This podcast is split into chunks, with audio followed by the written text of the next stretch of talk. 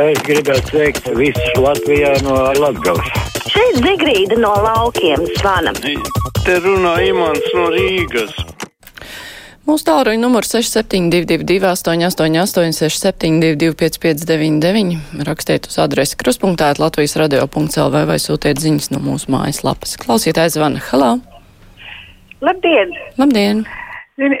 Vispirms priecīgs nākošos svētkus. Jums arī. Un es gribēju uzstādīt tādu jautājumu, kāpēc gan valstī būtu jāapmaksā to cilvēku uzturēšanās viesnīcā tagad no izolācijas laikā, ja, kur ir labprātīgi devušies uz, uz Angliju vai arī kaut kur citur. Es domāju, ka viņiem ir, viņi zināja, kā pandēmija notiek un kā viss notiek. Un ja viņi to labprātīgi vēlējās, tad viņiem arī labprātīgi ir jāsamaksā visi izdevumi. Valstī nav jāsadz šo cilvēku izdevumu. Jā, paldies par viedokli. Nu, no vienas puses, ja valsts neseka šo cilvēku izdevumus, varbūt viņi vienkārši neizolēsies, nu, vai kaut kur mājās paliks. Nu, katrā ziņā tas ir drošāk, ka viņi patiešām paliek kaut kur uz vietas, ja valsts visu apmaksā, kas man īsti nav saprotams šajā visā un nav bijis iespēja nevienam arī pavaicāt. Kāpēc valsts apmaksā pilnā apmērā repatriantiem un savukārt tiem cilvēkiem, kur vēlas izolēties un kur dzīvo šeit, eh, tiek apmaksāts tikai daļēji, jo, nu, tā lieta, tā daļa, kas jāsamaksā katram pašam, arī pietiekoši liela, lai cilvēki nu, vienkārši tā nedarītu. Nevarētu atļauties izolēties. Tā, klausītājs vien, hello! Pazuda klausītājs. Klausītājs uh, uzdod tādu jautājumu, tā man te bišķiņ jāuzvelc augšā. Uh, uh, kad pret Covid varēs vakcinēties lokālo slimnīcas darbinieki? Viņš pats strādā Lūksnē, viņš ir ārsts, un uh, viņiem režīms ir 24-7 joprojām, un joprojām ātrā palīdzība ved akūts pacientus garām lielajām slimnīcām, arī ar aizdomām par Covid. Nav saprotams, kāpēc NMPD nav ekspresa Covid diagnostikas testi, un tad ievada uzņemšanas nodaļā šādu pacientu veids testi ir pozit pozitīvs uz Covid pārved uz specializētu slimnīcu, bet inficēšanās riskam pakļauts viss personāls. Tur alūksnē vakcinācija nav tikus pat piedāvāta, kamēr citi atsakās, vai mēs neesam Latvijas mediķi. Es domāju, ka visiem mediķiem tiks piedāvāts, vienkārši pagaidām tiek piedāvāts lielajām slimnīcām, bet es lasīju, ka šodien veselības ministrija rīko tādu tā kā diskusiju par vakcināciju, kur būs iespēja arī uzdot jautājumus. Tas, manuprāt, ir sešos vakarā. Un vajag apskatīties veselības ministrijas mājaslapā. Varbūt eh, varat pieslēgties noskaidrot, kad pienāks jūsu kārta. Protams, ir ļoti svarīgi, lai var arī visi mediķi vakcinēties, jo gal galā riskam ir pakļauti visi. Tā klausītājs, eh, klausītāja raksta parādās vakcīnas, bet izrādās, ka tās atšķirās nevien ar ražotāju nosaukumiem, bet arī pretdarbību vīrusiem, jo vienas esot paredzēts izstrādāt antivielas, kas atpazīst E, inficētās šūnas, citas cenšas nepieļaut vīrusam iekļūt šūnās. Un tas arī nozīmē, ka vakcīnām varētu būt tādas, kam saglabājas aizsardzība mēnešiem vai arī gadiem. Kad radio varētu informēt sabiedrību. Iespējams, ir jārunā, jā, vairāk par vakcīnām, bet uh, es tā sapratu, ka tajā mm, diskusijā veselības ministrijas, ka tur var visi interesanti pieteikties. Es domāju, ka tur šie jautājumi arī tiks izrunāti un noteikti pēc tam parādīsies arī masmēdījos materiāli par to. Klausītājs Vana, halā! Labdien! Labdien! Es vēl druskuļi vecā gadā par to Covid. Nu, esam pieraduši pilnu Latviju ar tiem vīrusainiem cilvēkiem. Un neesam spējuši viņus uh, izolēt. Mēs visu laiku paši izolējam. Tas nozīmē, ka uh, apripinām visus pārējos cilvēkus.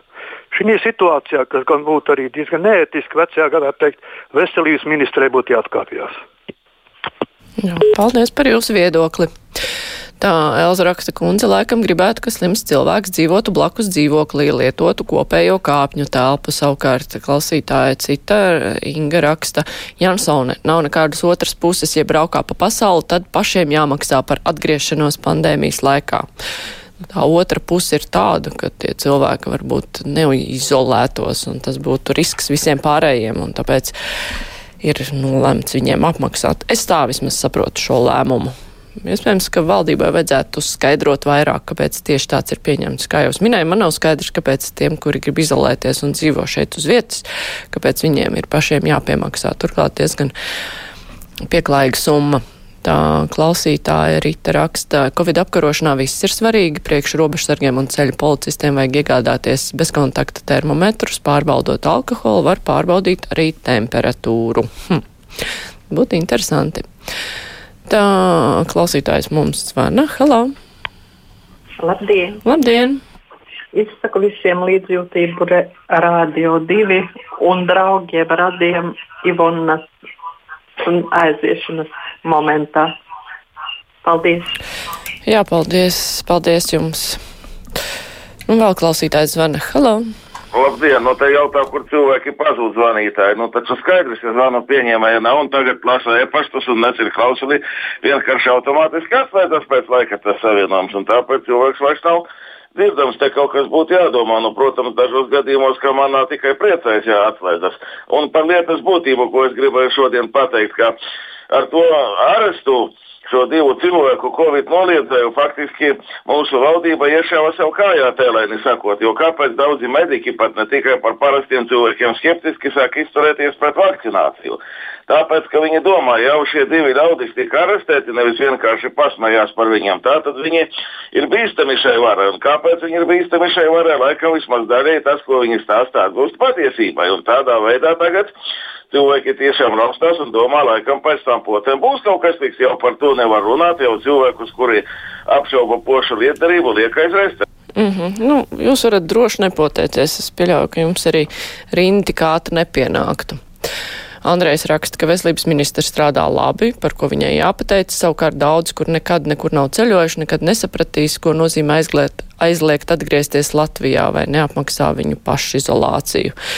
Nu, es nezinu par to ceļošanu. Man šajā rudenī pat prātā nenāca kaut kur ceļot. Tā šķita, ka, ka cilvēki vispār no tā ir atteikušies, bet es pieļauju, ka cilvēki jau brauc arī darba darīšanās. Nav jau tā, ka visi tikai kaut kur ceļo. Klausītājs zvana. Halā! Oh, nezvana. Halā! Halā! Labdien! Labdien! LTV viens raidījumā kultūra šoks nesen tika divreiz runāts par mūsu Rīgas koncertu zāles celtniecību. Nu, tur tika pajautāts arī dažiem gudriem cilvēkiem, kuri kritizēja šo projektu, ka joprojām domā celt šo zāli šeit Elizabetes ielā divi, jo tur būs Kronvalda parkā jāizzāģē daudz vērtīgus kokus taisās pat rakties pazemē vai ne, zemē ierakties, nu vienkārši muļķības. Un nemaz netiks skarts jautājums par to, ka šeit nu galīgi nebūs auto novietnes. Taču jāņem vērā, ka tā būs grandiozākā koncerta zāle Latvijā, visai Latvijai, kad uz tās sarīkojumiem brauks lauku iedzīvotāji ar automašīnām. Arī rīznieki vismaz 90% brauks ar automašīnām, un tā tad jābūt šīm autostāvvietām. Un latviešu tautai sen jau ir skaidrs, ka tā vieta, kur jāceļ, kas arī tuvu centram, tas ir pārdaugovā, tur, kur bija brīvās Latvijas uzvaras laukums, tātad, kur notika 38. gada pēdējie brīvās Latvijas dziesmu svētki. Tur ir jāceļ. Un tur būs pietiekoši vietas arī autostāvvietām, par kurām es sacīju.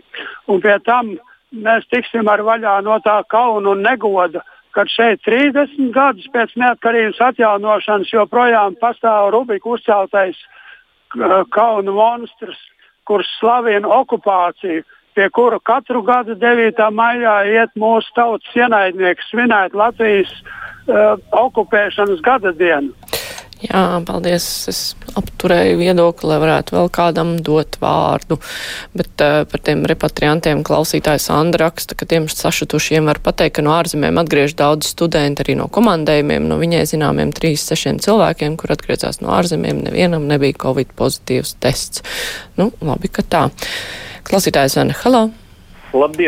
Labdien. Nu, tagad skan no, no visam pusēm divi jēdzieni. Ja es aizdomājos, viens jēdziens ir eh, komandants stunda, un otrs jēdziens ir cilvēka lokalizācija. Protams, ka valdības mērķis ir nevienu ne otru nepieļaut, bet kurš par kuru ir sliktāks? Jo es tikko izlasīju Wikipēdiju, komandants stunda nenozīmē konkrēta cilvēka, piemēram, ja viņš nav piesaistīts pie konkrēta rajona, ka, ja viņš tomēr nokļuva kaut kur, tad viņš eh, nedrīkst iziet ārā, kad iet komandants stunda. Bet, ja cilvēks ir lokalizēts, ka viņš atvainojas, kā suns uz pavada vai, vai traka, kā kaķis uz pavada. Ja viņš cilvēks ir brīva būt, nē, es jau ne par to, ka mums tagad par, par, par, par to brīvu kustēšanu, ja? bet par to, ka ja valdība tomēr aizdomājas un jums tā tu, turpmāk arī būs viesis, jūs pats piedalāties par to, kas ir sliktāk, komendants stunda vai lokalizācija, ja? un ko mēs pirmā pieļausim. Jā, paldies. Jā, paldies par zvanu. Tā klausītājs raksta. Uh, ar jauno gadu beidzot tiksim vaļā no nekvalitatīvo Dormeo matraču reklāmas. Vēlams no Latvijas TV izslēgt aizgūtos un tukšos šovus raidlaiku aizpildot ar jēdzīgu saturu, vēlams uzlabot žurnālistu latvisko identitāti izskatu, jo citādu, citautiešu modīgās sejas neejot klausītājiem pie sirds. Ho, ho, ho, gribētu gan interesanti. Nu, tas, ka reklāmas nebūs sabiedriskos medijos, tas ir par to, ko tad nu reklamē par kvalitatīviem vai nekvalitatīviem matrašiem. Par to gan es neizteikšos.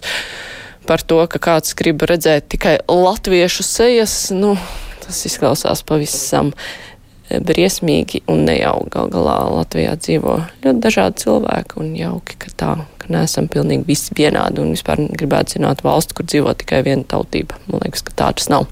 Paldies, brīvais mikrofons tagad izskan, tagad būs ziņas, pēc tam runāsim par dzīvi pēc Brexit.